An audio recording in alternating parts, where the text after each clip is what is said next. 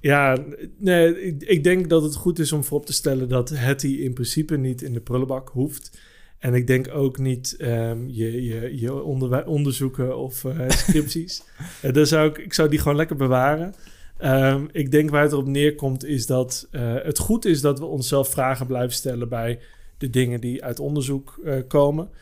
Want te vaak in onderwijs, en dat is heel logisch, we zoeken in onderwijsland gewoon heel erg naar oplossingen. Van vertel mij Ja. hoe ik het het beste kan doen. Dit is de Episch Onderwijs Podcast. Een podcast voor iedereen die interesse heeft in onderwijs in de breedste zin van het woord. Fijn dat jullie allemaal weer zijn ingetuned voor deze nieuwe Episch Onderwijs podcast. Ehm, bij mij op de bank zit nog steeds eh, Harmen. Ehm, en jullie hebben twee weken geleden eh, voor het eerst kennis gemaakt met, eh, met Harmen. Ehm, en dat is voor ons nog maar een uur geleden. Maar inmiddels is eh, Roy eh, op de bank komen zitten in plaats van eh, René. Hallo. Kijk, dat is Roy. En ik ben nog steeds, nog steeds Jeroen. Het is altijd een beetje ingewikkeld, want we zijn nu dus aan het opnemen en we doen het net alsof dat twee weken later is. Maar het is sowieso één grote time limbo, want de luisteraars die hebben in de intro net al iets gehoord. En dat moeten wij nog gaan zeggen. Dus dat is echt heel ingewikkeld. Ik plak altijd een stukje ervoor aan. Ja, Harman die kijkt me ook aan van, wow, wat gaat hier allemaal gebeuren? Ja, er gaat een wereld voor me open. ja, ja, de wondere wereld van de podcast. Mm. Ehm, welkom allemaal. Ehm, de vorige keer hebben wij samen met Harman gesproken over het feit dat hij niet meer in het onderwijs werkt. Althans, voor de klas. Ja, want een hele goede eh, toevoeging was dat hij natuurlijk nog wel in het onderwijs werkt. Eh, maar dan bij een, eh, bij een uitgeverij. Mhm. En dat zorgt er dus ook voor dat jij elke dag met onderwijs bezig bent.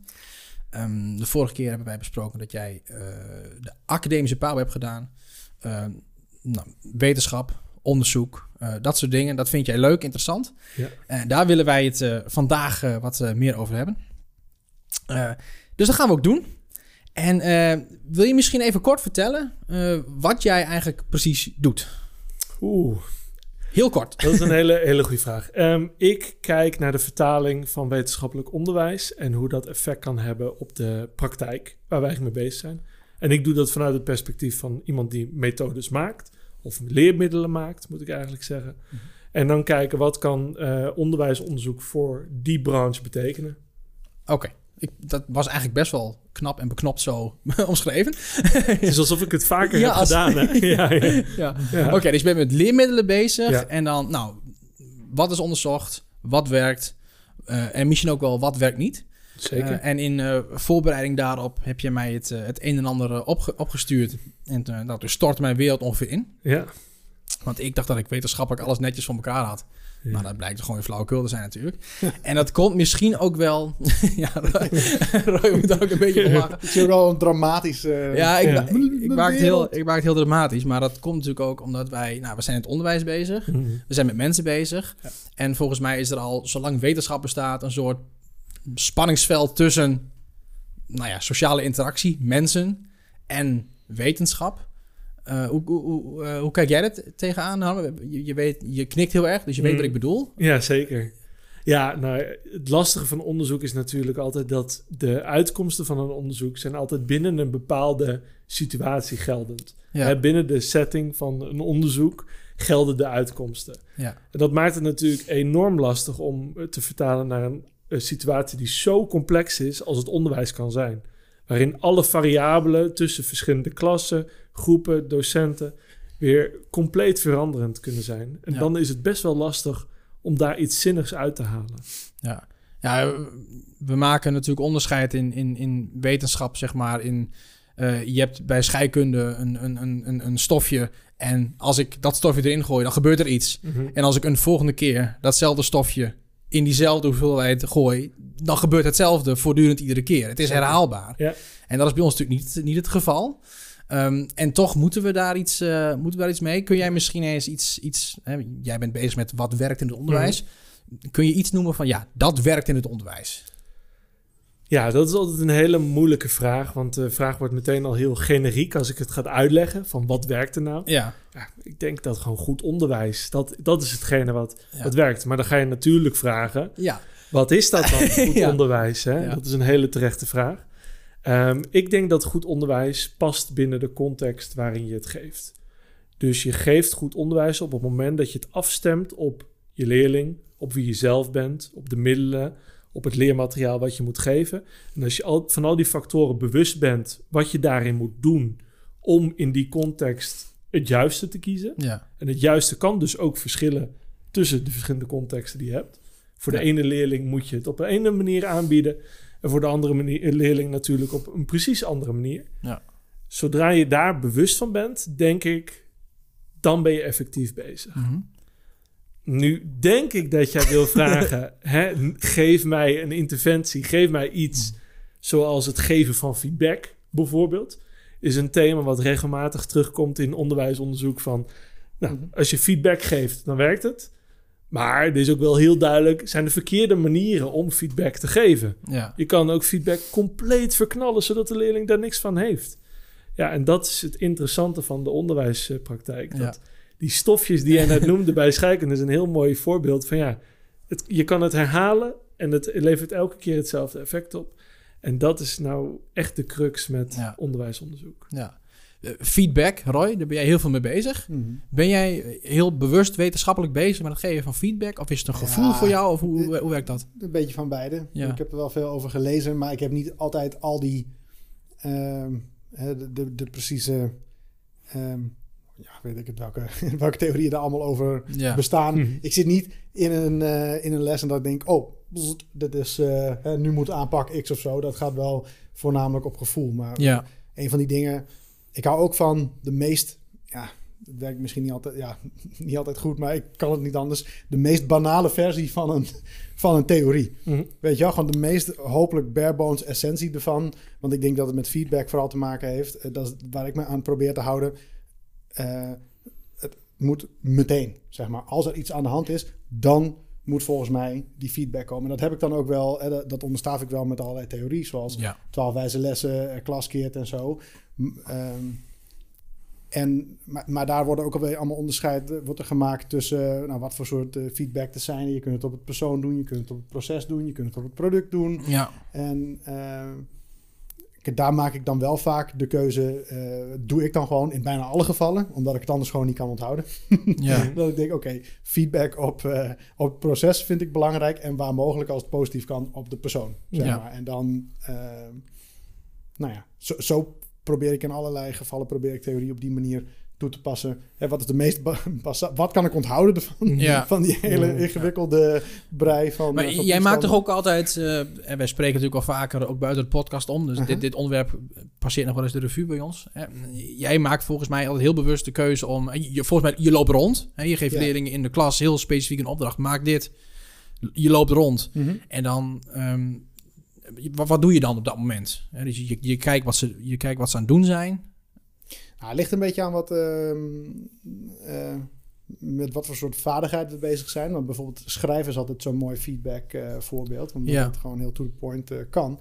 Ja, als ik een leerdoel geef, als in vorige week bijvoorbeeld. ehm, ik kan laten zien dat ik in het Engels een, een klachten-e-mail kan schrijven na een webshop waar ik iets heb besteld. En de kinderen mochten dan een bestelling verzinnen. Hè, maar ze mochten het ook doen over een echte bestelling die ze hadden gedaan en waar iets, iets aan mankeerde.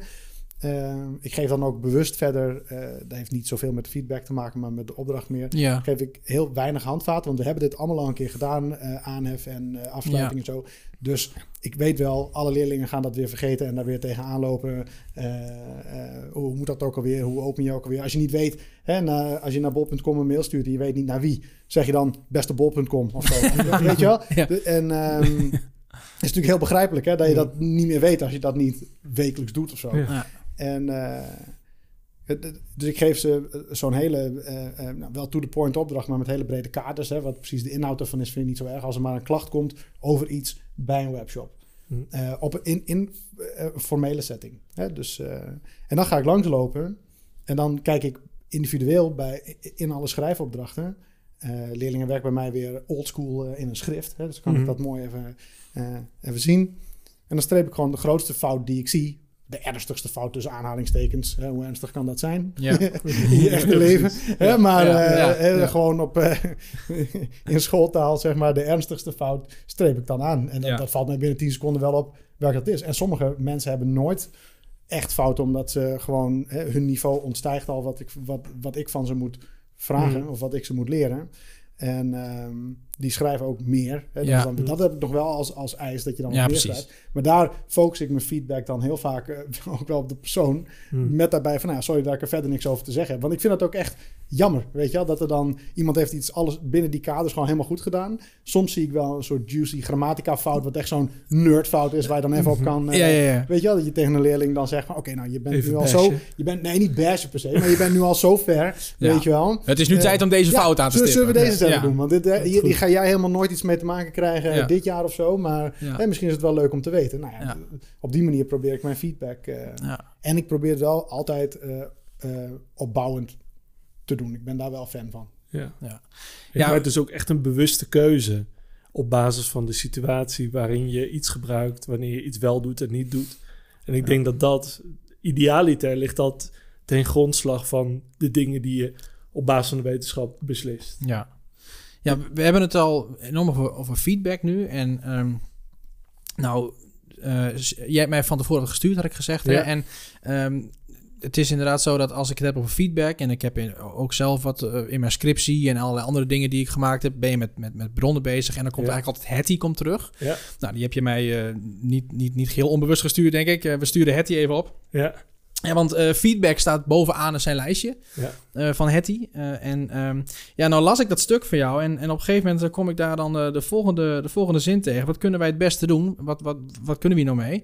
En het eerste wat dit stuk zegt, dat is van René Knijber.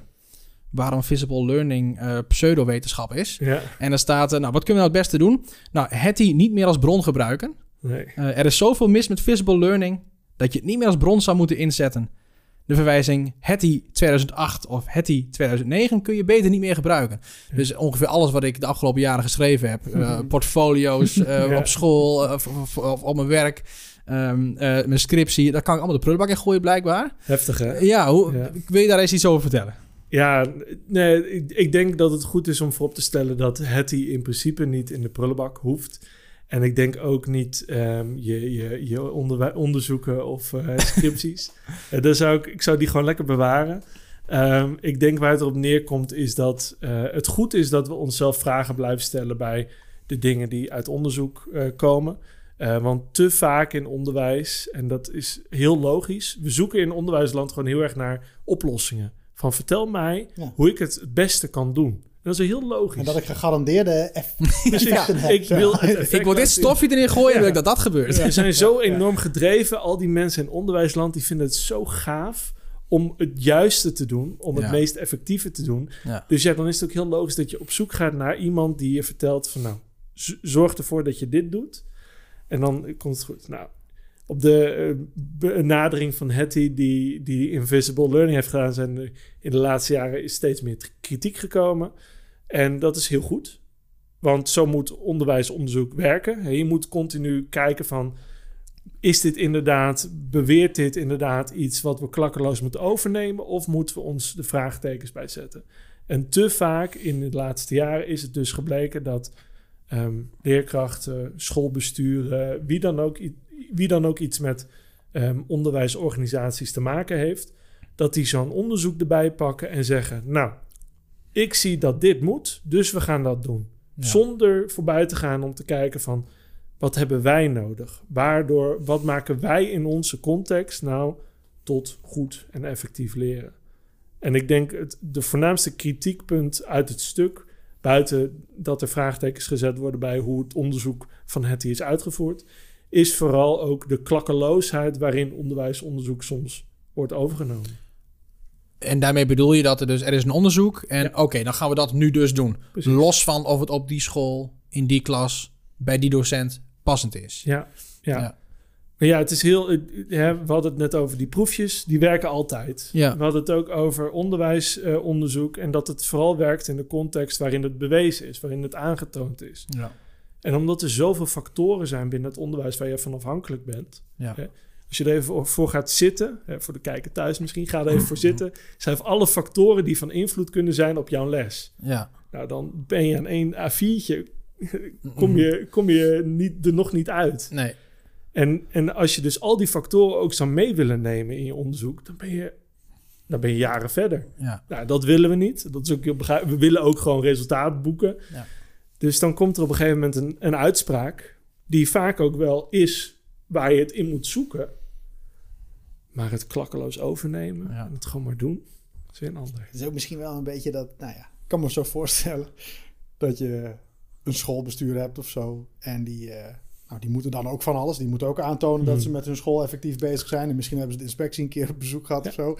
En da- dan is het ook wel, ah, shit, waar moet je beginnen? Dan is het ook wel flat. Oh, wacht even, Hetty. Dat is wel, eh, hè? Die heeft ons gewoon verteld hoe het moet. Dus eh hoeven we er ook verder niet meer moeilijk over te doen. Ja. Kunnen we dat gewoon gebruiken. En eh, Maar zorgt dat er misschien ook een beetje voor dat ehm, hè, die inspectie komt eens in de zoveel tijd langs. En, en daar, nou ja, dan, dan, dan lopen eh, twee weken lang alle teamleiders met de staart tussen de benen op school van hoe eh, jeetje mina, nou, ik hoop dat het allemaal goed komt. Hè. Zo, zo zie ik dat altijd een beetje voor me. En dan rolt, en dan rolt daar zo'n rapport uit en daar moeten we dan wat mee. Ja. En daar, daar doen we ook wel wat mee. Tenminste, Ja. op papier doen we daar wel precies, wat het is mee. vaak een papieren ingreep. Maar Ja.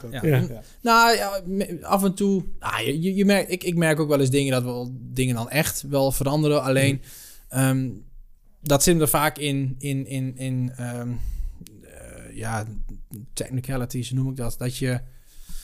ehm, nou ja, oké, we gaan nu wel één keer in de twee weken eh, even iets schrijven over, over onze leerlingen. Of we gaan nu wel ehm, eh, al het huiswerk in som zetten. Weet je, dat soort, dat soort dingen die niet echt heel ingrijpend maar toch net even de juiste boxjes checken, zeg maar. Om, eh, om dan net aan de goede kant van het streep te vallen, zeg maar.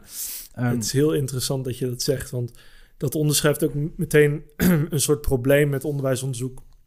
Dat uitkomsten vaak als een soort doel worden geïmplementeerd en niet als een middel om juist effectief onderwijs te geven.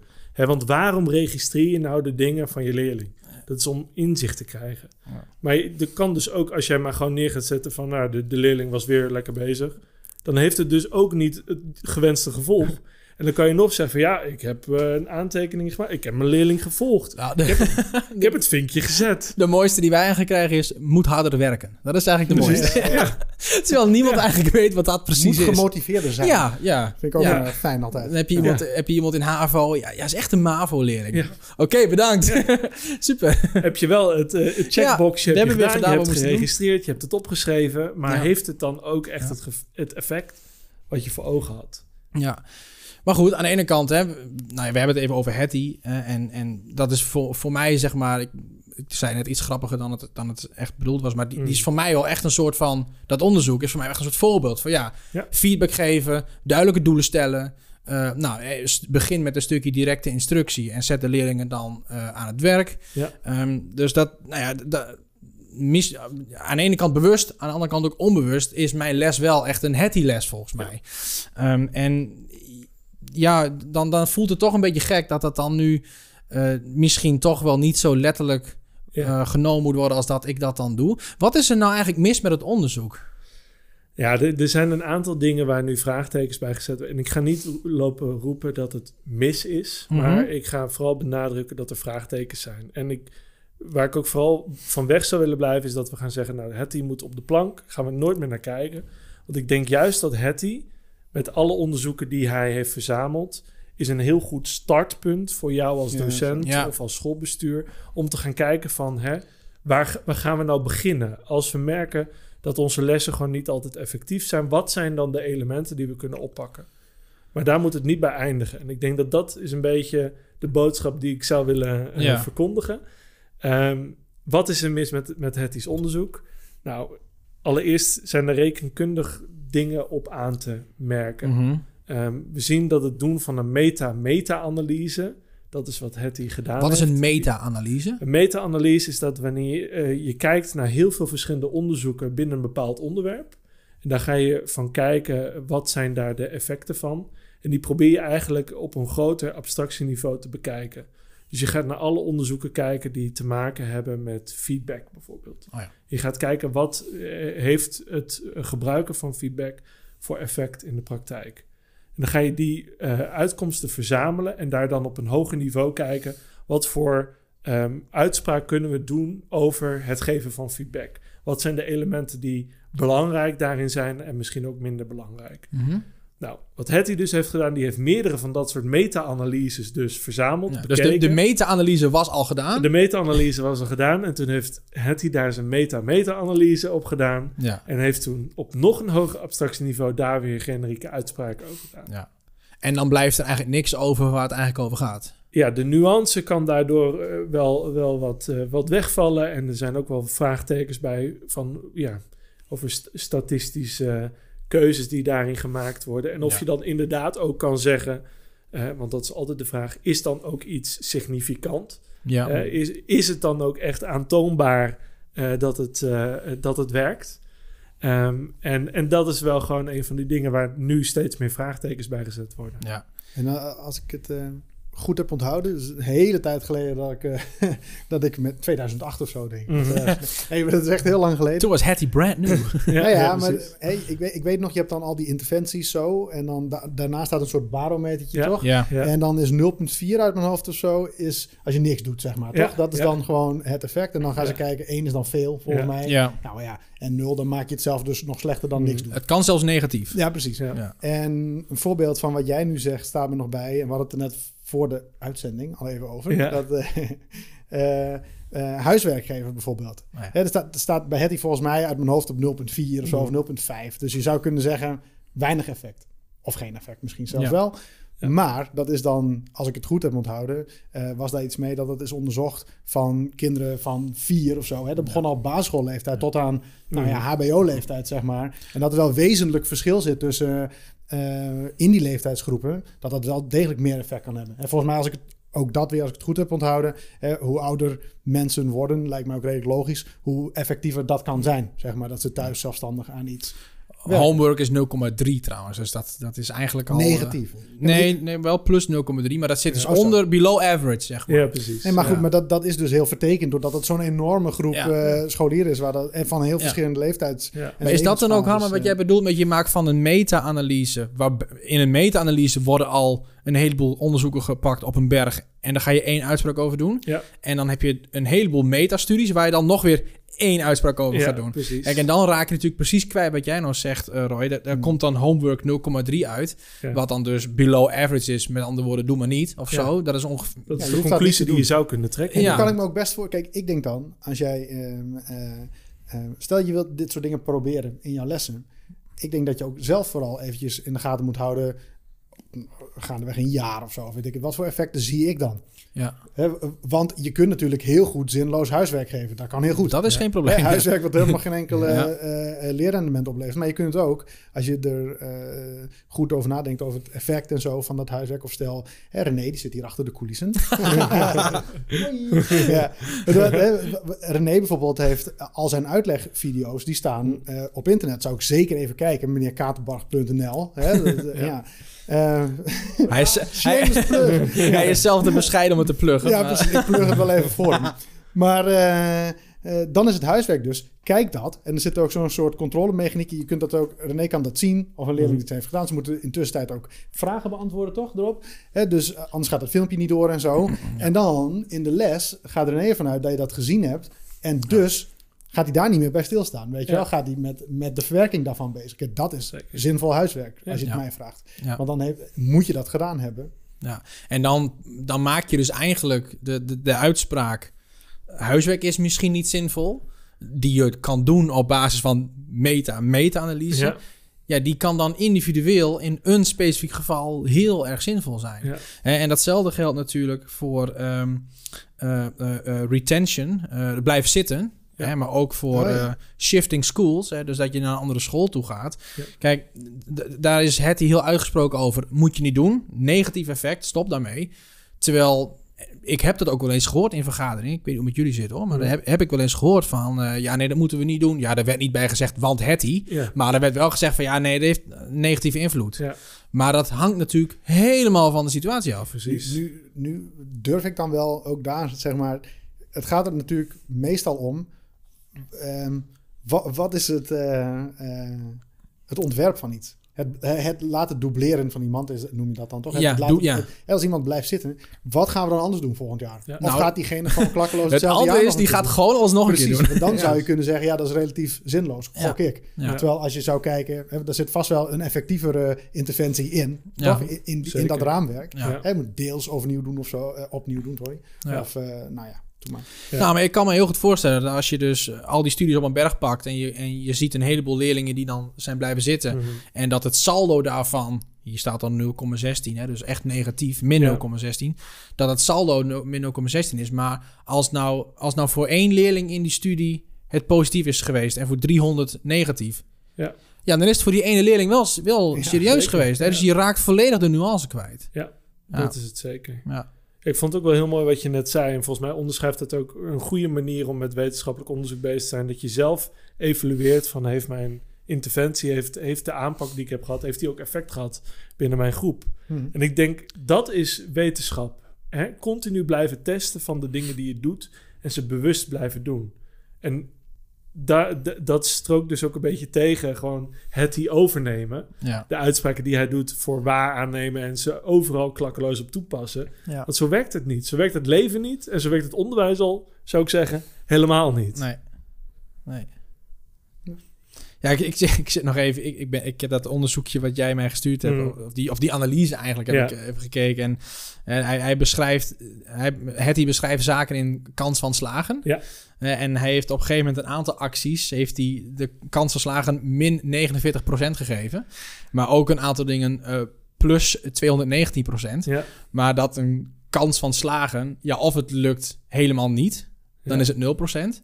Of het lukt helemaal wel, dan is het 100%. Maar een kans van slagen van 219%, dat betekent niks. nee. Ja, zo, de- maar dan heeft hij het gewoon... Is dat lullig vertaald of zo dan? Of, eh, Nee, hij heeft uiteindelijk zelf ook toegegeven dat het gewoon een fout is in zijn onderzoek. Oh, wow. Ja. Oké. Ja. Ja.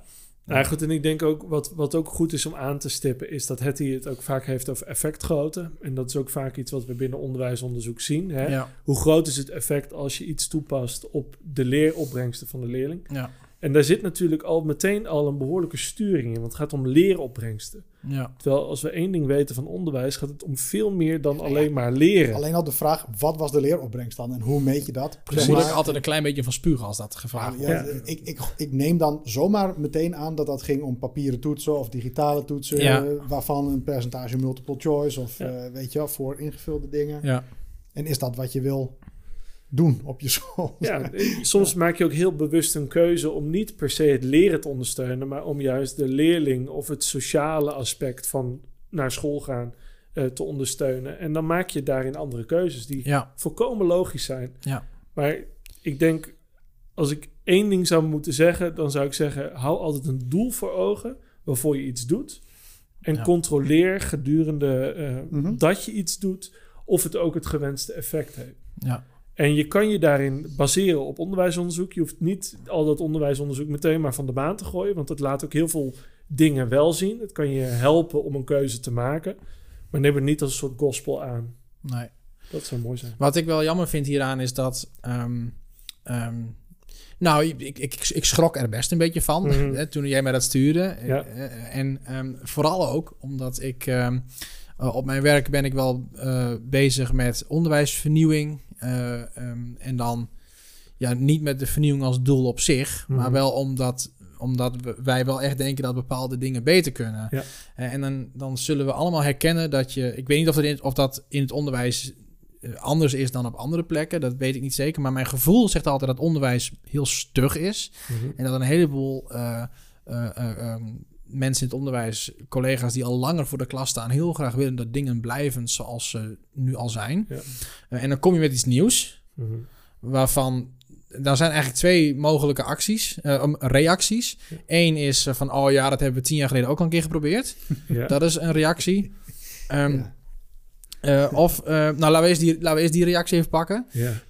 Eh, jij kunt daar misschien iets over zeggen in de zin van... is het zo dat bepaalde veranderingen in het onderwijs zich steeds herhalen? Natuurlijk, als je alleen ook kijkt naar de focus op de basisvaardigheden, Ja, dat is eigenlijk een thema wat zich cyclisch weer door de geschiedenis heen herhaalt. ja, Elke vijf tot tien jaar komt er weer tevoorschijn dat we toch wel weer beter moeten kunnen rekenen of taal. En dan volgt daarna volgt eigenlijk vrij natuurlijk weer dat we toch wel meer focus moeten hebben op leerlingen praktijkgeschoold eh, krijgen. Ja. Eh, vervolgens dat we ze meer moeten betrekken, echt als meer als burger eigenlijk. Burgerschap komt om de hoek En, en zo, zo kabbelt dat soort thema's kabbelen voort. En dat is heel goed. Dat is heel natuurlijk. Want soms hebben we als maatschappij ook behoefte aan bepaalde dingen. En dan is zo'n shift ook wel weer goed om ons weer te realiseren van zijn we nog steeds het juiste aan het doen. Mhm. Maar het zorgt er ook voor dat, dat het onderwijs ook wel eens trendgevoelig kan zijn. Want als iets ineens heel erg belangrijk is, dan gaan we met z'n allen zoeken. Nou, hoe kunnen we dat dan ook? Hè, hoe kunnen we zo'n soort vinkje krijgen, zodat we leerlingen krijgen, zodat leerkrachten zeggen: ja, ik wil hier bij deze school aan het werk.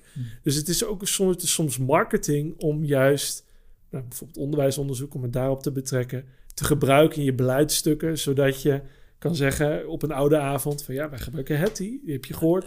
ja. Hè, je hebt er misschien in het nieuws voorbij zien komen. Ja. Zoek het maar op op internet. Het is een hele grote naam. Daar Ja. doen we van alles mee. ja. Het is ook een soort geruststelling. Ja. Ah, Dat is de ene kant van het verhaal. De andere kant van het verhaal is dat dat ook er juist voor zorgt voor mij als iemand die dan in een school bezig is met vernieuwing, dat dat de anderen tegenhoudt, zeg maar. Van ja, weet je, nou ja, laat die Jeroen maar eh, weer met zijn leerdoelen eh, prutsen. Ja. Dan ga ik gewoon doen wat ik al, al 20 jaar doe, 30 Ja. jaar.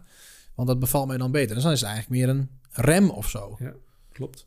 En die rem is dan natuurlijk, denk ik, zit in ons allen om niet per se te willen veranderen wat je doet. Het, het is iets heel menselijks om gewoon ook een soort zekerheid te hebben. En vooral in iets wat, wat heel onzeker kan zijn als het beroep van, van leraar. hè. We hebben het in de vorige aflevering over gehad. Hoe moeilijk dat soms kan zijn. Nou, Ja. Nou ja, maar dat is ook... Jullie hadden het in de vorige... eh, twee weken geleden. ja, ja, precies. Ja, ja. Toen, eh, hadden jullie het over... ehm, nou, zo, zo vat ik dat zelf even samen. Want daar deed mij aan denken toen ik ernaar zat te luisteren. Dat soms lijkt het wel of je core business, je, Hmm. je, je lesgeefactiviteiten... alsof het een soort van erbij is of zo. Hè? Ja. Jullie hadden het ook over commissies en over allemaal andere dingen. eh, vergaderingen en, en open Ja. dagen. Nou, noem maar op wat er allemaal nog meer eh, bij komt kijken. Dus als er dan een... eh, Weet je al, eh, een fanatieke collega komt zoals wij. Met, Ja. kijk eens, dit is nieuw. En als we een beetje extra tijd erin steken nu, dan is het strak. Dat iedereen echt, jongen, ah, Ja. ik heb al allemaal dit. Ik wil gewoon straks om half vijf naar huis. Ja, en als je kijkt ehm, over gewoontes bijvoorbeeld, is inmiddels ook wel bekend dat als je vermoeid raakt, ga je terug naar je oude gewoontes, want die Ja. kosten weinig mentale bandbreedte. Ja. Dus per definitie bij een vermoeide workforce en je komt daar met, hallo, dit is allemaal nieuw. Mag ik even jullie aandacht en, eh, en energie en misschien ook nog inzet?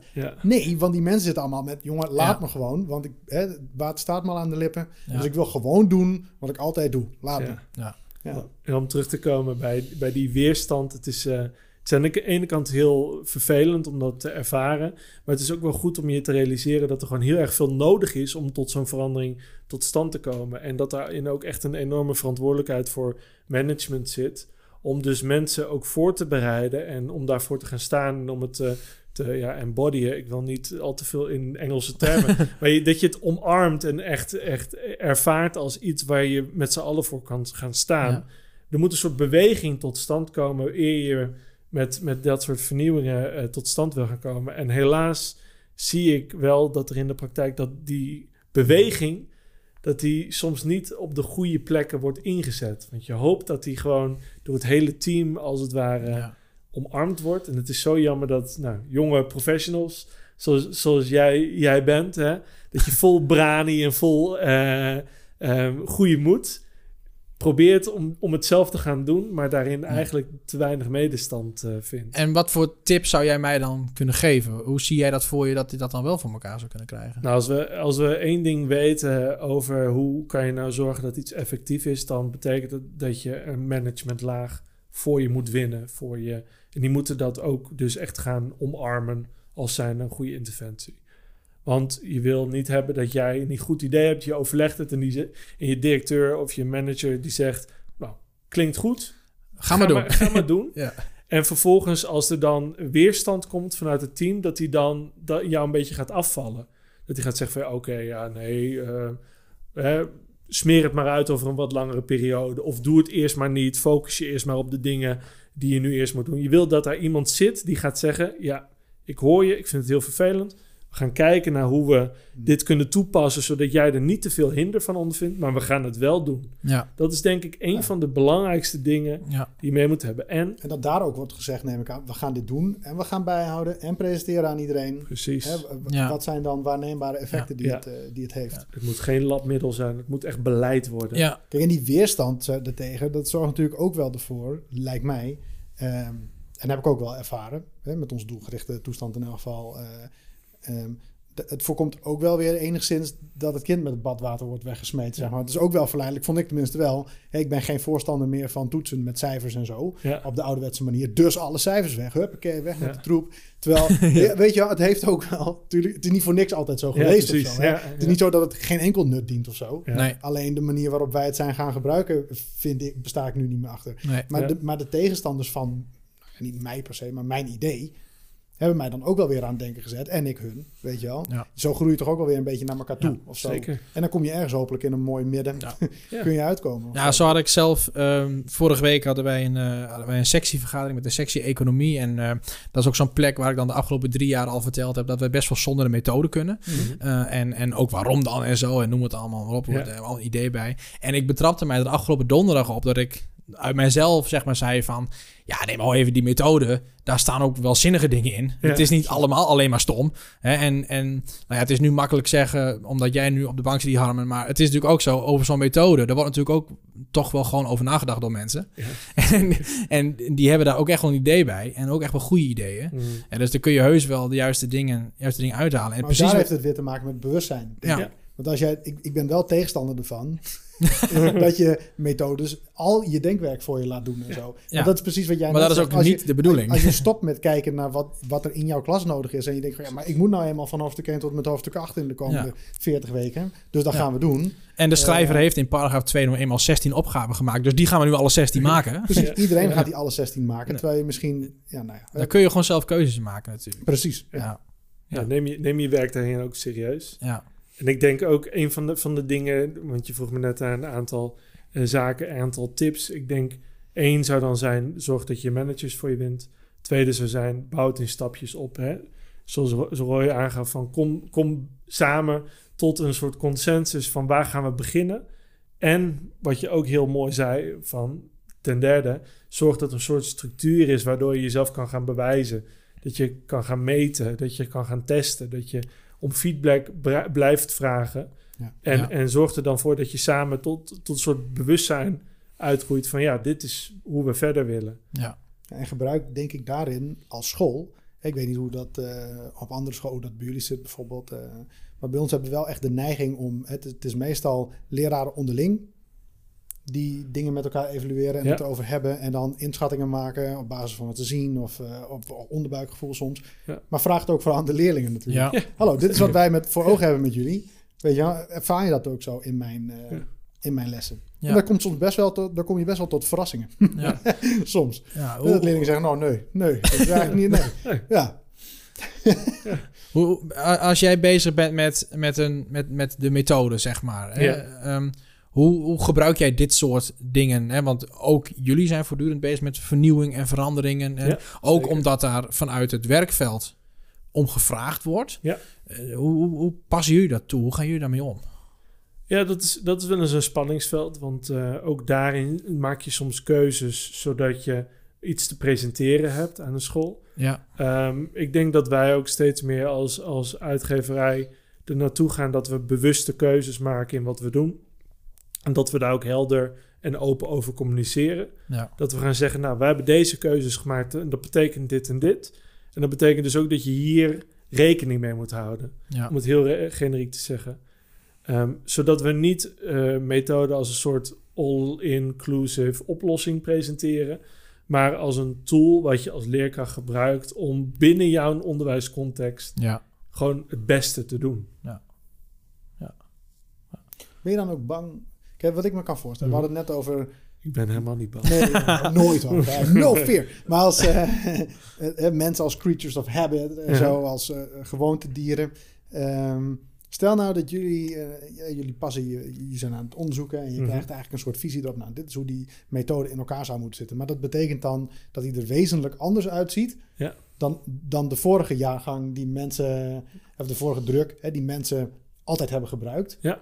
Ik kan me voorstellen dat er voor jullie wel een soort spanningsveld in zit van oké, dit zou volgens ons ideaal zijn om te werken. Maar dat is zo radicaal anders van hoe het was, dan Ja. gaan mensen dat niet meer kopen. Zeker. Of zo, dan gaan ze, dat schrikt ze af. Ja, er zit een enorme keuze die je daarin moet maken. En je zoekt altijd ook daarin naar compromis. Van, Ja. hè, ga, we willen iets bieden wat mensen willen aanschaffen.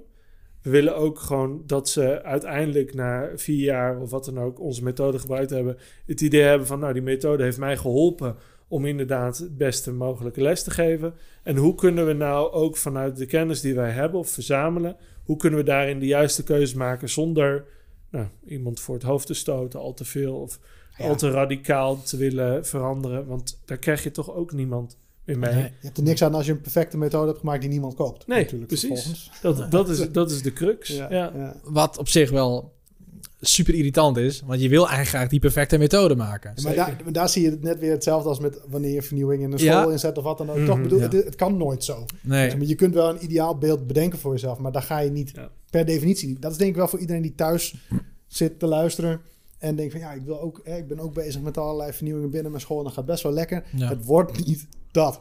Nee, het wordt niet... Nee, Nee. Het, wordt, het wordt niet dat, weet je. Het wordt een, een, een, een variatie daarop of zo. Delen ervan zullen... Maar Roy, jij hebt daar eh, best wel veel ervaring mee. Want Ja. jij hebt eh, heel veel jaren heb jij je echt keihard ingezet voor eh, een bepaalde verandering op school. Als het gaat om geen cijfers meer geven, leerdoelen enzovoorts. Ja. Ehm, hoe, kun je daar kort even iets over vertellen van goh, hoe je dat ervaren hebt? Waar liep je tegenaan? J- jij dacht dat je het beste...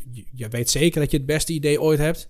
En toch, Ja. en toch willen mensen die met jou mee. Ja, nou, ik ben nooit zo dat ik daar dan zo zeker... eh, Oké. Nee, dat, dat niet hoor. Ik heb wel enige zelf... die zelftwijfel blijft altijd wel eh, bestaan. En Ja. ik denk dat, dat ook iedereen dat wel kan eh, onderschrijven... die met een vernieuwing bezig is geweest in het onderwijs. Met name... hè, leer, jij, jij zei het al, uh, jij durfde de stelling aan dat 90% van de leraren hebben hard voor hun leerlingen en zo en passie voor Ja. de zaak. Dus je wilt ook niet verkloten voor de leerling, hè, omdat jij nou zo nodig weer iets anders wil doen. Ja. En het kan niet anders dan, het moet een keer anders. Het moet een keer ergens geprobeerd, weet je wel. En, en dat gaat dus misschien ten koste van, eh, van Ja. die lichting leerlingen of zo. Ja. Dus ik ben niet zo dat ik daar heel onvoorzichtig of zo en dat zeker weet. eh, maar we hadden daar wel heel veel onderzoek naar gedaan. En eh, ook ons eigen onderzoek, we hadden niet Hetty gekopieerd en geplakt of zo. Mhm. En we bleven ook wel de vinger aan de pols houden.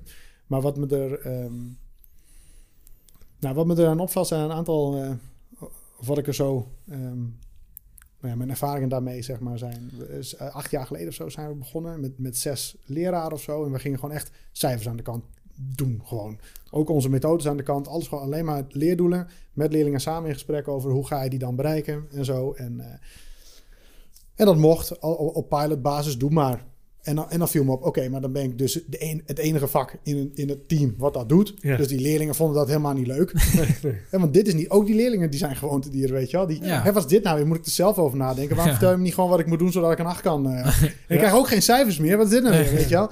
Dus Oh, wegzekerheid. Ja. ja, precies. Ja, en Ja. ook ja, moeilijk gedoe en zo. En leerlingen zijn nou eenmaal gewend. Een 8 is goed en een 3 is fout. Weet je wel? Een 8 is een beloning en een 3 is een straf. Dat is gewoon hoe het werkt. En als je dat ineens wegneemt. Ik had gedacht, oh, dat vinden leerlingen echt heel erg leuk. Maar wat me opvalt is, leerlingen die je vak moeilijk vinden, die vinden dat over het algemeen fijn. Ja. Want de, degene die dus constant rode cijfers voor hun kiezer Ja. krijgen, die vinden dat heel fijn. Ja. Maar die andere kant, die constant negens haalt. Die willen die negen nog een keer halen. Precies, Ja. En sommigen halen die omdat ze op een te laag niveau zitten, maar anderen halen die door hard te werken. Ja. En in beide gevallen raken die mensen die denken, ja, wat is dit nou weer? Weet je wel, ik, eh, ik ben toch gewoon goed in dit vak, laat me Ja. met rust. Weet Ja. je wel? Of ik doe hard mijn best, geef me mijn acht, weet je wel? Ja. Precies. Dus dat was al niet, eh, ik, het- was niet zo'n feestje als, als Nee. dat ik had verwacht van tevoren. Nee. In mijn eh, naïviteit. en eh, wat me opvalt is, ehm, eh, nou ja, hoe meer we met dat project bezig waren, daar haakte ook steeds meer leraren aan, want ons verhaal was wel echt wel... Haakte aan. Ja, haakten Ja. aan. Ja. Ja. dus er kwamen steeds meer, meer leraren bij vrijwillig. Dat vond ik ook belangrijk. Ja. Hè, de, eh, het hoefde voor mij ook helemaal geen dogma te zijn of zo. Want ik heb vanaf het begin al gedacht... als dit een dogma wordt, dus als, we er niet, als dit een soort Ja. het hier is alles wordt, zeg maar...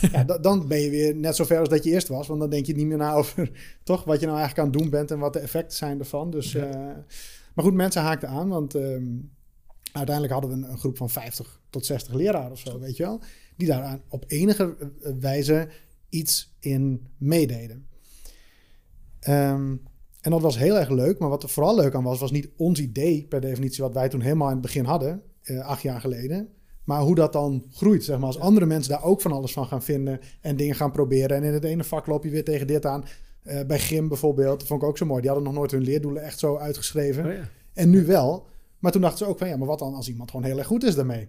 Ja. Weet je wel, hoe gaan we dat dan doen? Weet je wel, is, is dat... eh, en wat doen we met iemand die gewoon lichamelijke problemen heeft of zo, weet je? Die dat niet kan halen vanwege whatever. Weet je wel, wat gaan we daar dan mee doen en zo? Ja. En bijvoorbeeld vakken zoals eh, ehm, CKV of eh, tekenen en zo. Daar heb ik heel veel van geleerd als Engelsleraar. Want zij doen altijd, ehm, hoe moet je dat zeggen? Ze doen een soort van andersom. Eerst is er niks en dan komt er iets, zeg maar. Dat wordt dan precies. beoordeeld en zo. Terwijl met een toets doe je vaak, nou, dit is, dit is het waar je overheen moet. Weet je wel?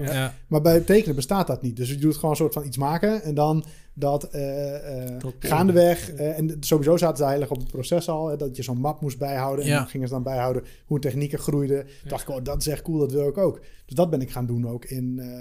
dat werd eigenlijk het template. En gym ook eigenlijk. Ik kon me ook heel erg vinden in de gimmers. Eh, en we gingen heel veel bij elkaar kijken. Dat was ook zo cool. Dat je dan, eh, wa- want volledige instructie ben ik wel fan van. Zeg maar dat je gewoon goede, hè, dat je alle stappen van tevoren nadenkt over, oké, waar kunnen allemaal onduidelijkheden bestaan? Ja. En als je dat in je Engelsles niet goed doet, nou, dan krijg je wat meer vragen gaandeweg. Maar als je bij je gymles niet goed doet, dan krijg je gebroken benen. Weet je wel? Dus Ja. dat moet. Ja. Ja. Dus dat moet. Ik zag zo'n goede volledige instructie daar. Ik dacht, ja. Dit gaat er natuurlijk echt om. Want als ze dat niet goed uitvoeren. En dan nog zie ik, dacht, dit is echt perfect. Eh, kinderen, als je klaar was met. Het ging over ringzwaaien volgens mij. Als je klaar bent met ringzwaaien, ga je daar op het bankje zitten. Ja. En wat, doet, wat doen de helft van de leerlingen? Zelfs daar was zo duidelijk gezegd. Die zit op een kast of die staan. Ja. Weet je, op zo'n Ja. gymkast bedoel ik dan. Hè? Of die staan ergens anders. Dus die, dat, daar kon ik ook zien. Oh ja, dat is wat er gebeurt met jouw instructie. Ja. Hoe goed die ook is. Ja. een deel daarvan. eh, Het, een deel daarvan is van vergeten. één Dus-. Dat is eigenlijk het belangrijkste onderdeel, denk ik. Eh, Er werd door onze school ook tijd voor gemaakt. Wel Ja. specifiek voor dit, eh, deze theorie. En Nou, de- dat vond ik ook wel het meest fantastische in de tijd dat wij dat samen deden. Ja. Eens in de maand hadden we een maandag helemaal vrij. Gingen we naar... Ja, best wel eh, vaak. Ja, vijf keer per jaar. Ja, zoiets. Dat was best wel vaak. En dan kwamen, eh, wij, wij mochten ook gewoon eh, experts van buitenaf mochten Ja. wij eh, eh, binnenhalen en zo. Ja. En toen me- merkte ik eigenlijk, oké, het is niet, het is niet mijn, onze visie of zo, onze, onze, onze Nee. aanpak die nou zo goed werkt, maar het feit dat je zoveel gedreven mensen bij elkaar hebt in één ruimte. Ja, maar dat is gewoon heel erg tof. Ja, en die vaak de tijd krijgen om daar met elkaar over te praten. Ja. Dat, gaat, dat maakt onderwijs supergoed. En ook Ja. dat, dat een van die mensen in die groep zei tegen ons... Ja, weet je, het is gewoon zo fijn hier. Ik weet wel dat ik een gekkie ben, maar hier mag dat ook gewoon. Ja. En weet je wel, dat ook. Dat je elkaar ook wat verder kent, zeg maar, dan Ja. alleen maar... Ja. eh, weet je, gewoon die tijd dat je met elkaar kon... eh, eh, dat je elkaar vaak zag, dat je elkaar genoeg tijd zag... eh, dat je er vertrouwen in kreeg, dat je dingen mocht proberen... dat dat fout mocht gaan en dat je dan met anderen kon delen... Eh, nou ja, ik, ik had dit en dit geprobeerd, maar ik ben er zo onzeker over, want ik zie dit. Dus volgens mij verklap Ja. ik alles nu. En dat de andere mensen zeggen, nee man, maar dat maken wij ook mee. Viel uiteindelijk allemaal wel mee en, en zo. En blijven, blijven proberen. En nu is dat project aan zich helemaal niet meer echt wat we, wat we er mee wilden. Nee. Maar, Maar het, jij maar bent- het gedachtegoed bestaat Ja. nu in de school, weet je wel. En dat is... Ja, en jij, jij geeft ook wel eens aan, Roy, dat, ehm, dat eh, dat project zelf is niet meer wat het toen was. Maar er zijn natuurlijk wel dingen gewoon in jouw lespraktijk, in je dagelijks leven, Ja, ja. die gewoon totaal veranderd zijn nu. ja dat, dat gaat En- nooit meer terug. En Nee, ook bij precies. collega's van Ja, mij ook. En dat gaat nooit meer terug.